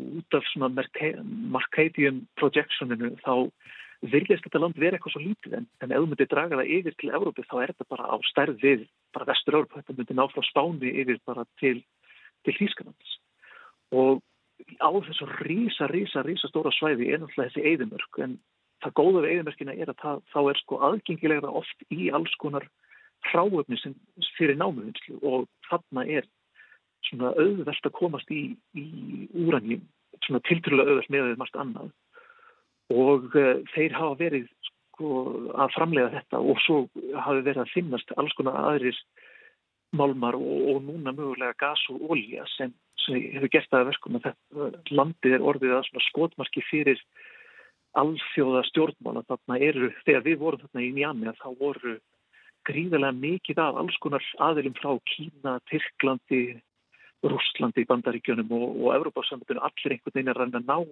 svona áhrifum til þess að komast í þessi í, í þessi ráðumni. Þannig að þetta er sko, mörguliti ríkt land en, en allt og rosalega erfitt fyrir, fyrir fólki sjálf sem býr það. Já, mikil auðæfi en, en uh, mikil, mikil fátækt sem leiðis. Já, og, og vandin náttúrulega, stærsti vandin er að þarna eru eiginlega yngir innviðir og eigðumerkjum stækkar á, á hverju ári og gerir það verkum að rekta landið e, það, það mingar og þau hafa verið inn að vera að berjast gegn þessu, þessu svona stækkun á, á eðinverkinni og uh, en vandin sjálfur er að þarna er líka gríðarlega mikið af bara fólki sem sem bara hefur ekkert og, en er samt enn í dag að einn þarna sérst, er meðal fjölskyldar að eignast hvað 7-9 börn á, á konu sem gerir það verkum að það er gríðarlega fjölgun og farlegandi meir og meiri þrýstingur á að fá mat og vatn og skjól og rafmagnur sem er bara ríkistöðum og, og, og, og hjálpast að ræður ekki við að, að koma til fólks þannig að þetta er svona síversnandi ástand því miður. Hvernig kunnur við þig? Það er eins og það skriknar við. Það er að þrátt fyrir að þessi vandamál þá bara sjaldan hef ég upplifað bara jafn vinulegt og bara indislegt fólk og í borginni sjálf en jámi. Því við byggum þarna ekki langt frá fórstahöllinni og ég gæti lappa hvert sem var og tilturlega örugur og uh, bara rosalega vinulegt fólk og maður kynntist bara alls konar fólki þarna og hvert sem maður fór var, var sko vel tegið á móti rosalega uh, mikil gestristni og bjart síni hjá mörgum þrátt fyrir að maður geti falla ímynda sér hva, hva, hvernig getur maður verið bjart sín en uh, og það var svolítið sem ég var að reyna að, að koma til skila þegar við byggum þarna að ég sendi pilsla svona öðru kóru heim til Íslands til þess að sína að þarna væri eitthvað annað heldur en bara þessa neikvæða frétti sem ég fyrir miður kannski er að, að, að segja ómikið frá núna en það er, það er alveg sko, það er eitthvað jákvæðum enn á milli en aðalega er það fólkið sem er alveg bara indislegt Hvernig var maturinn? sko maturinn var hérna uh, aftur að því ég, ég, ég tengdist fólkinu svo vel að það var ég fór á á veitingarstað fyrstu vikur sem ég fór þarna og, og, og kærasta mín sem var búin að búa þarna undan ætlaði að bjóða mér upp á eitthvað voða fínan ítölskan mat. En ég fór á matseilin og spurði hvaða mat, matur væri þarna. Frá nýgur og þau bentu þarna á eitthvað og, og svo var að vera að þýða þetta fyrir mig og fjóknin kemur og segir að þetta er svona haus af lampi heil sem er eldaður. Og það ég sko lifna allir við. Hvað? Svið? Panta þetta og byrjum hvort að auðum sé ekki öruglega með og uh, þetta fólk hérna hjá saminu þjónum sem satt við borðið hérna skilti nú ekkert í því en ég og þjóttnin vorum rosalega káttist að tala um að það verði nú auðvitað tungan lang best þegar maður verið að fá sér svona góðan friðaðins. Þannig að ég, mér fannst ég vera bara akkurat á réttum stað. Ímislegt uh, eh, sammeilegt á Íslandi og í Níker greinlega. En uh, já. já, þú hefur verið ánaður með dvölina, nú ertu komin til Eþjópíu, vantarlega aftur að elda kæristuna.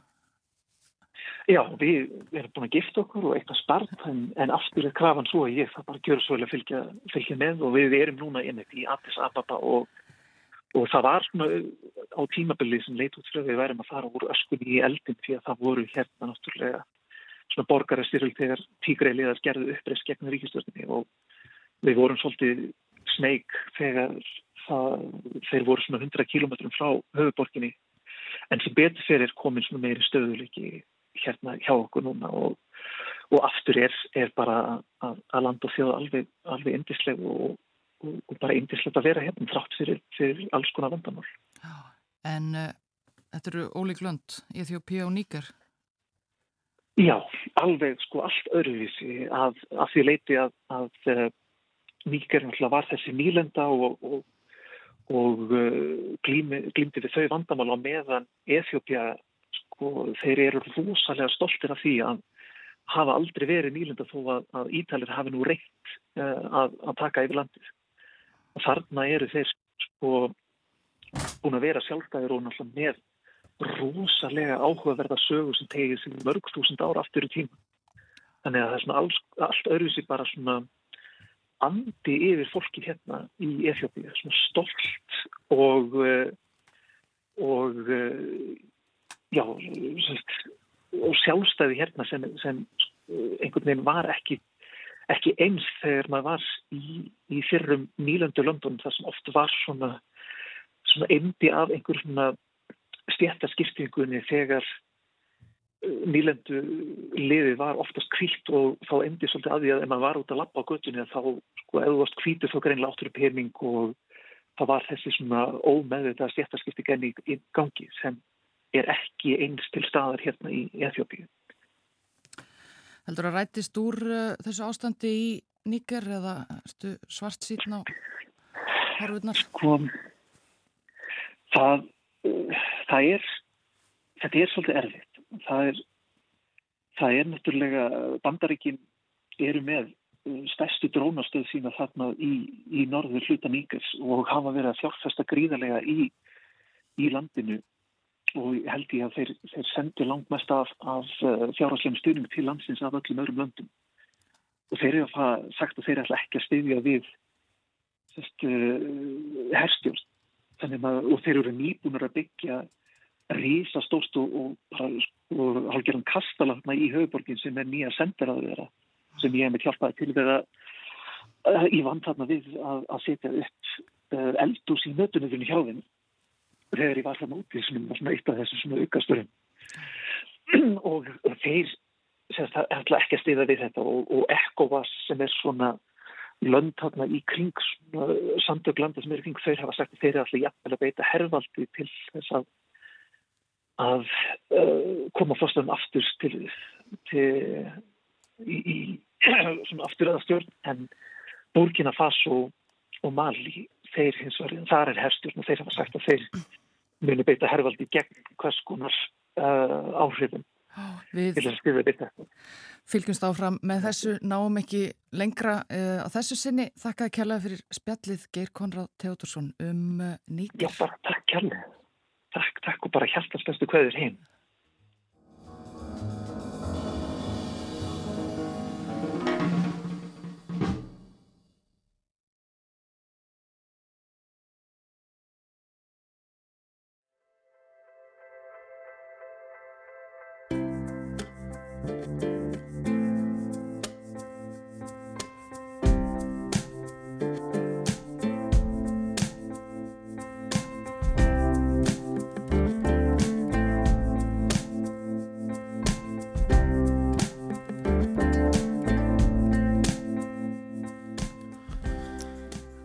Ný þýrða hlusta á morgunvaktina á Rás 1. Það er 50 dagur, 3. ágúst, klukkan réttliðilega hálf nýju. Við fórutniðumst um ástandið í Níger hér fyrir frettaði við litið. Já, ringdum í uh, Geir Konrad Theodorsson. Hann var búsettur í Níger fram að uh, COVID-faraldrinum. Bjóð þar í nokkur ár með uh, unnustu sinni sem að var þar að vinna fyrir saminuðu þjóðunar. Sað okkur frá ástandinu eftir valdaránið sem að framið var í Níger á dögunum. Mikil óvisa í þessu fátakalandi, þetta er eitt fátakasta land heims þó að það eigi miklar auðlendir eins og Geir sað okkur frá. Þetta er meðal annars mikið á úrani í jörðu. Aðeins að veðurhorfun dagsins hér á Íslandi, hæg vestlæg eða breytileg átt, skíjað, dálitla skúrir í flestum landslutum en það leti til norðan og austurlands í kvöld og hiti í dag frá nýju stígum að 17. það verður hlýjast suðvestan til. Já, 50 dagur í dag, förstu dagur á morgun og svo þryggjadaga helgi, frítag og vestlunumanna á mánudag. Við ætlum að tala um uh, mat, fá hugmynd að uh, einhverju sniðu að borða um helgina, hvort sem við erum heima í tjaldi eða sumabústað. Dóra Svavastóttir matrislumeistrar er komið til okkar. Góðan dag og og uh, velkomin Dóra og nú þurfum við að gera smá tilfæslur hérna áður en að þú býður mér á móti. Góðan dag, íta á sjötaka og uh, nú er það komið. Já, góðan og blessaðan dag Góðan og blessaðan dag Gott að þurfa að halda í sér svona öðru kvori og það, talandu um það, það hérna, mat og svo leiðs það kom dásamlega frétt um daginn það eru komna nýjar karteblur Já, þá lift, er, liftist þú öllu Já, við mig góður, það eru sko bara jól og poskur og ammali allt saman í einu pakka sko.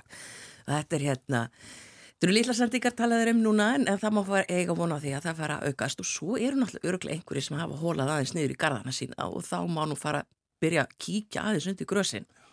Og bara því að það er náttúrulega bara vestla þegar þú ert með nýja karteblur sjóðaðar aðeins setja salt í pottin þannig að það springi ekki og svo bara smá smjör og graslikur út á eða dill eða rosmarín eða eitthvað þá þarf nú valla mikið meira þó þú kannski hafið einhverja kjötsneið með ef þú vilt.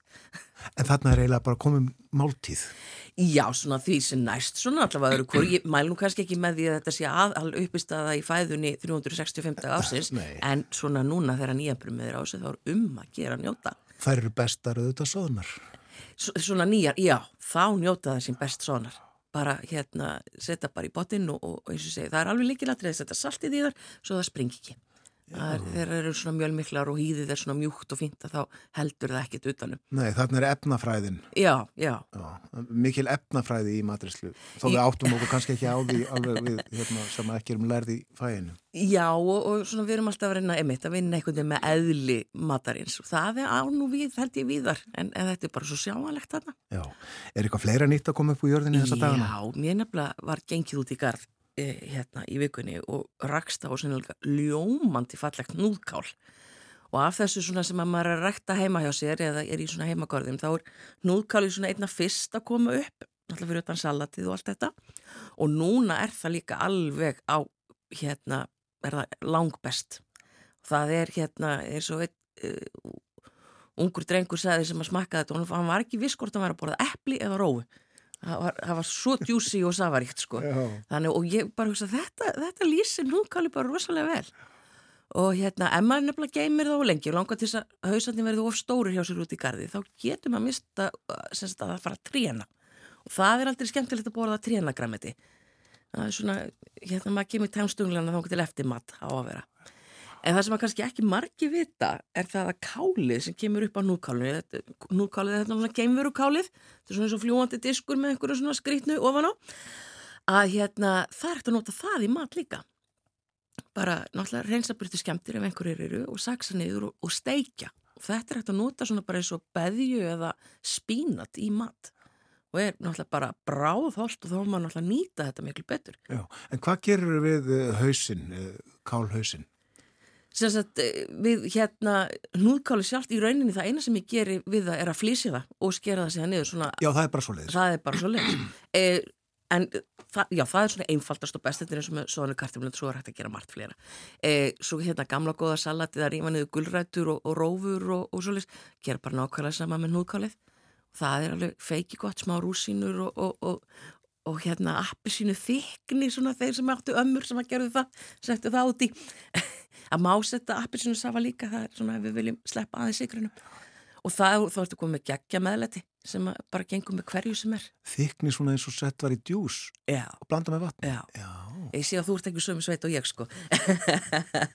Þetta var hérna raspa aðeins niður og, og smá svona þá kom sætan og síran og, og allt þetta gerir þetta svo feiki gott sko nýja kartöflur, eh, nýtt núðkál er lengra í eh, rófur og gulrætur og slíkt. Já, það er aðeins lengra og síðan alltaf af því við fengum svolítið erfitt vor þannig að það má búast við því að verði ekki fyrir meðan ágúst.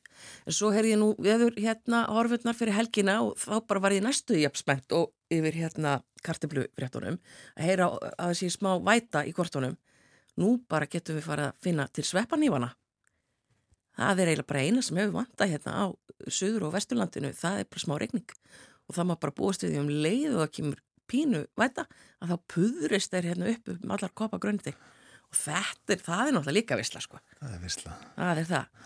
Og betur fyrir það hefur náttúrulega verið gríðaleg vakning á síðustu 20 árum, bara mjög margir farnir út að týna sveppi og, og nota og nýta, nýta þennan e, þessa frábæru vöru, eða frábæru afur sem er að núti, en það er enþá fólk svona svolítið rætt við þetta Já, þeir eru eh, mi- misgóðir. Þeir eru náttúrulega misgóðir og það eru náttúrulega til hættulegi sveppir. Við erum svolítið heppir hér á landi að við getum notað mjög einfalda þumaputtareglu. Uh, sveppir eru svona yfirleitt annarkvort með uh, það sem er kallaði pípusveppir eða fannasveppir og þetta er hvernig eh, hérna holdið á þeim er undir hattinum. Ef að undir hattinum lítur út eins og þessi pípur eða svona svampur, allir svoleið sveppir á Íslandi eru ættir. En ef það eru fannir, svona eins og rákir, uh, þá eru nokkri svo leið sem að geta farið íla með okkur. Þannig að ekki týna þá nema þið séu með góða bók með okkur eða, eða þekkingu uh, til þess að vera vissum að þið séu í lagi. Þannig að þetta, er, þetta, er svona, þetta gerir það verkum, ég hætti að vera hrætt við þetta og bara byrjaði að því einbytta mér að þessum pípusveppum, svo var ég búin svona smátt og smátt að læra að þekka einn og einn til viðbútara hinum. En þessa góðum á uh, bæði borða ferska, nýtínda, skólaða auðvita og uh, matrita. Já, já, og svona af því þetta náttúrulega kemur bara í svolítnum törnum að þá er hérna ekkit mál að taka og steikja þá bara létt og frista síðan. Og ef þið eigið þurrkop þá náttúrulega hægt að þurrka þá og eiga, eiga fyrir hérna sósuna, mjólinn og svo framvegs og sem meira er, ég ætla líka að segja með hérna gorkulunar, meira rostur þegar við finnir hvita fína í gömlu túnni sem er ennþá stíf það er bara geggjaðu matsveppur.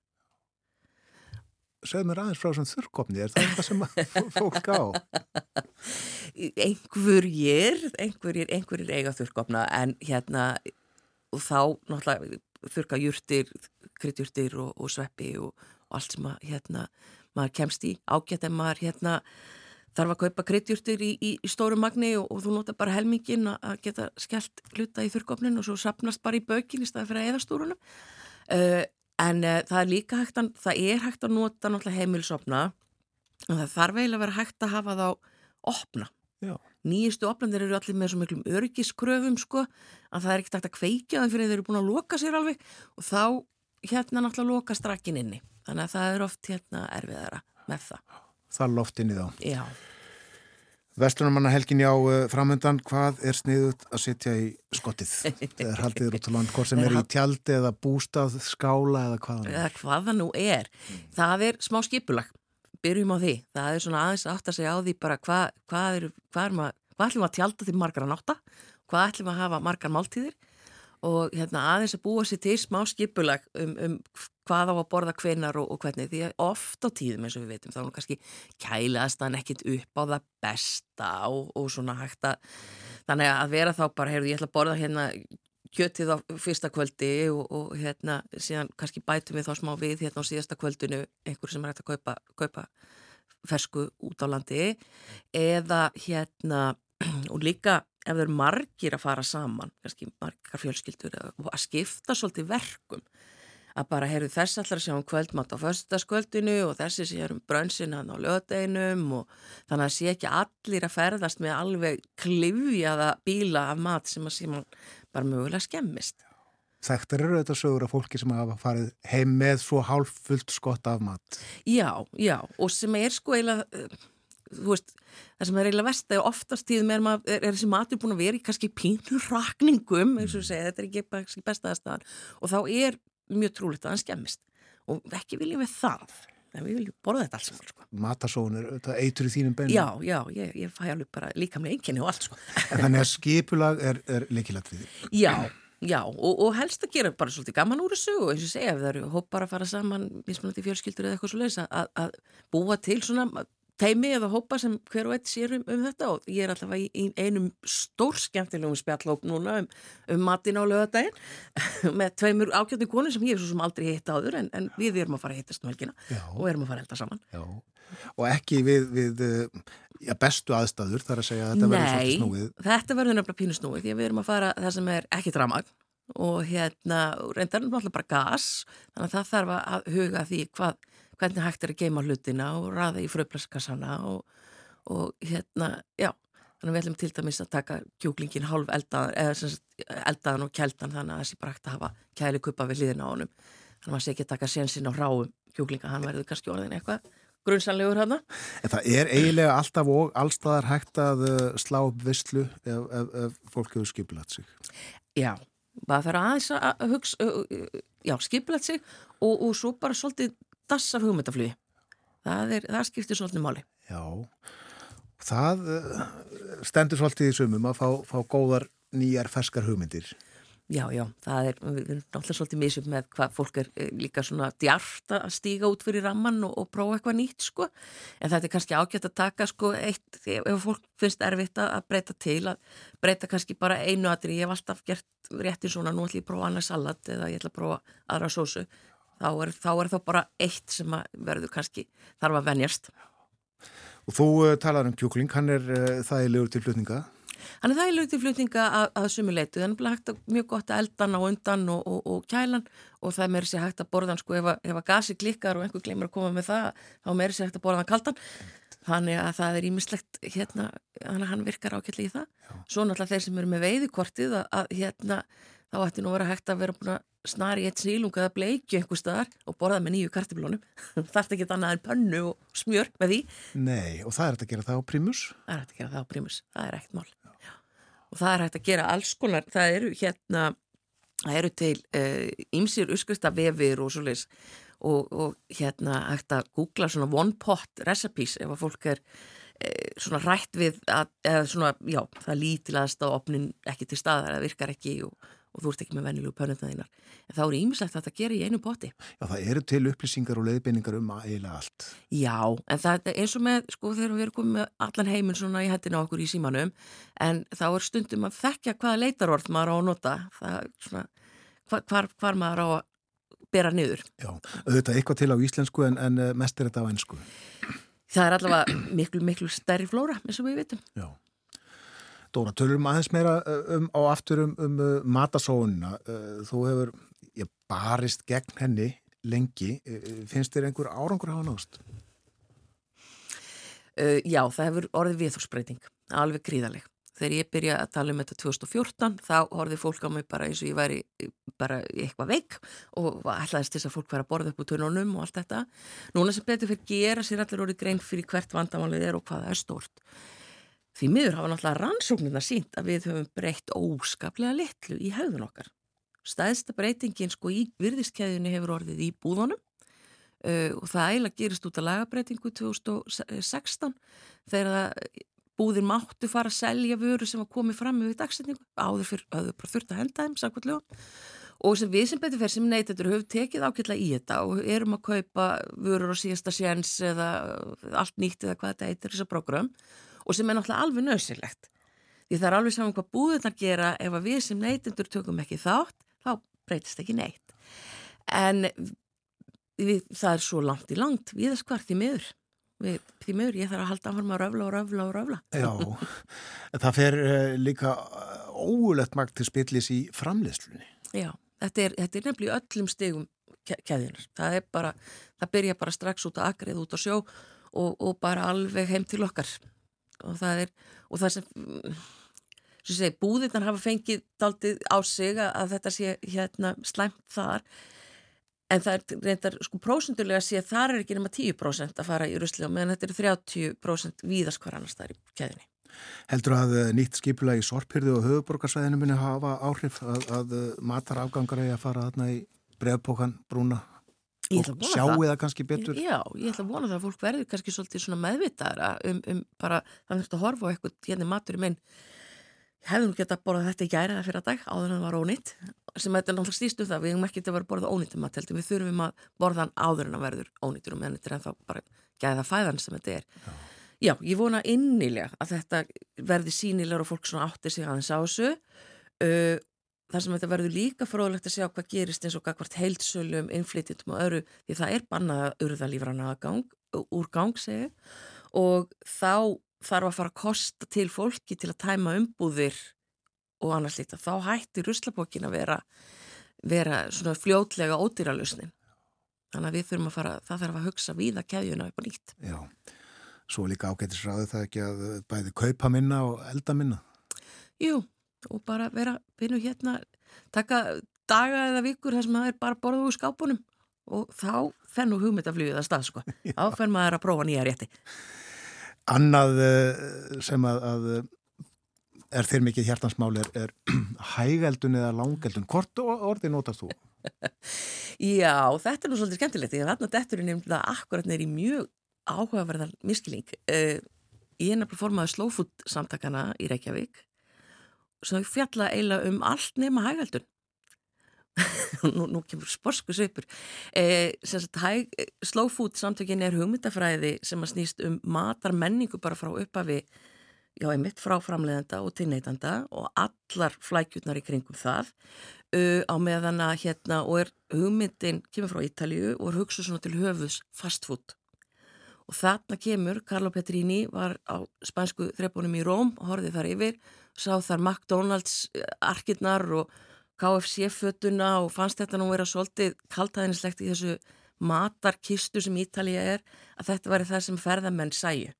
Að þeir sæju bara alþjóðlega keðjur þessi maturinn er nákvæmlega eins út um allt þegar á Ítalju er allt þetta ráöfnu og öll þessi fjölbreytni.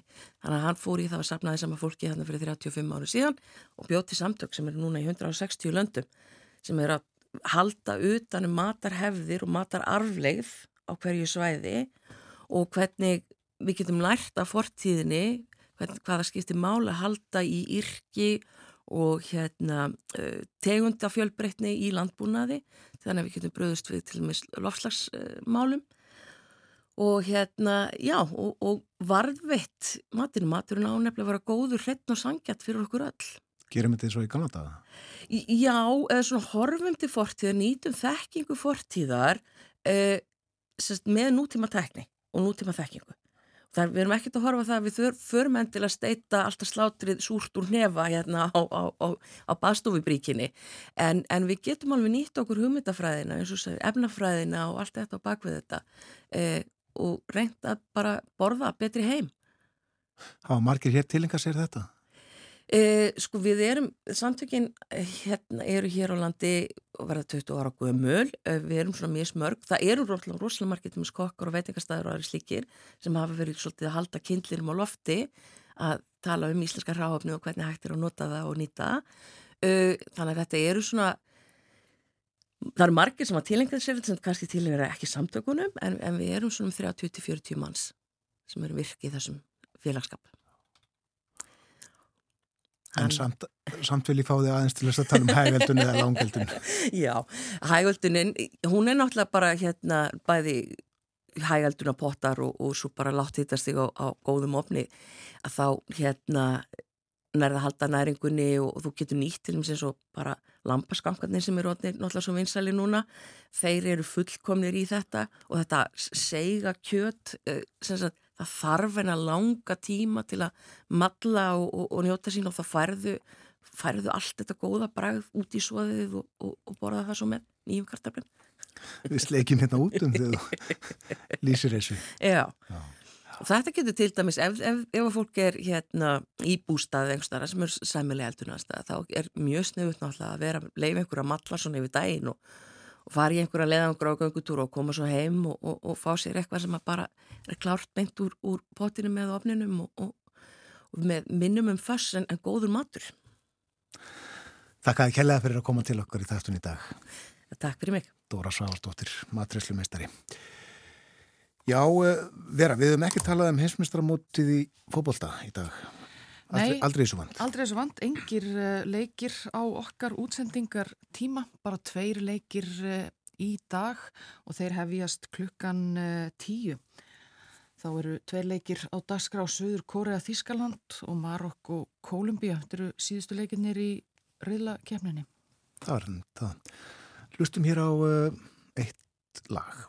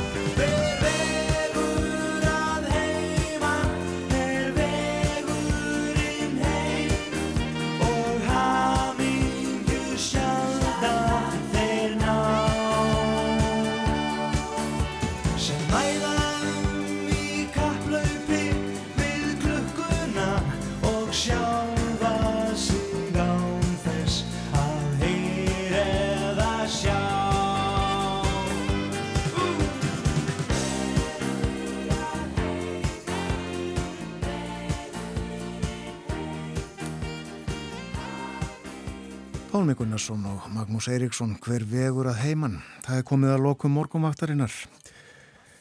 Við setjum hér síðan fyrir sjö í morgun Björn Þór og Vera og verðum hér aftur í fyrramálið á föstu degi. Þakkum fyrir okkur í dag. Vonum að þið njóti dagsins. Verðið sæl.